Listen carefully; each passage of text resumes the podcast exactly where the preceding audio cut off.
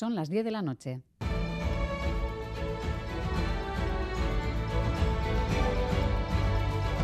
Radio Euskadi y Radio Vitoria.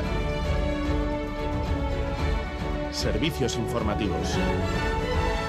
Repasamos los titulares de la jornada con John Fernández Mur, Gabón. Gabón, Miriam, noticias de este viernes 19 de mayo, Ecuador de la campaña electoral, en el que hemos conocido los datos de la macroencuesta EITB Focus para las elecciones municipales. El PNV ganaría en las tres capitales de la comunidad autónoma vasca, aunque en Vitoria mantiene una pugna muy apretada con Euskal Herria Bildu. En la capital alavesa, los yelzales obtendrían el 25,2% de los votos y entre 7 y 8 concejales, mientras que EH Bildu lograría 7 con un apoyo del 23,9%. El Partido Socialista podría perder un concejal y muy cerca del PSE queda el PP, con entre 5 y 6 ediles. En Bilbao, Juan María Burto se quedaría a un solo edil de la mayoría absoluta, con EH Bildu alcanzando la segunda posición, y en Donostia el Yelzal Goya ganaría con 10 concejales por los 7 del representante de EH Bildu, Juan Carlos Izaguirre. En Pamplona, UPN sería la fuerza más votada y obtendría entre 7 y 8 concejales y un 27,6% de los votos, pero EH Bildu podría empatarle en número de ediles. Así,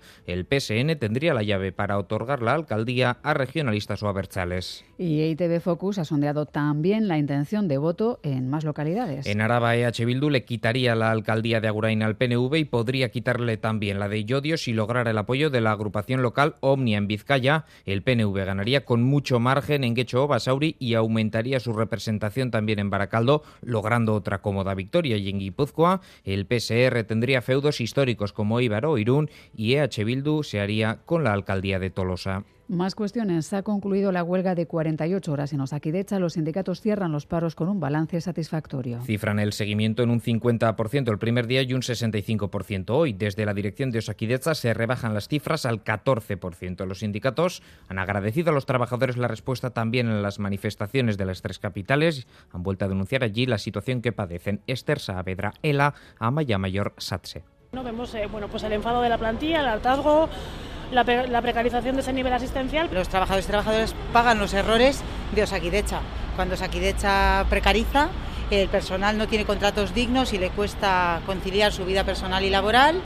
La Mesa de la Sequía ha analizado este viernes la situación que vive Euskadi. Las cosechas de grano y hierba siguen viéndose amenazadas. Aunque la situación ha mejorado con las últimas lluvias, el gobierno vasco se ha comprometido a tomar medidas si la situación se agrava. Arancha Tapia, consejera y evidentemente sí necesitamos establecer ayudas complementarias directas desde, desde, el Gobierno vasco, como lo hicimos el año pasado, lo pondremos.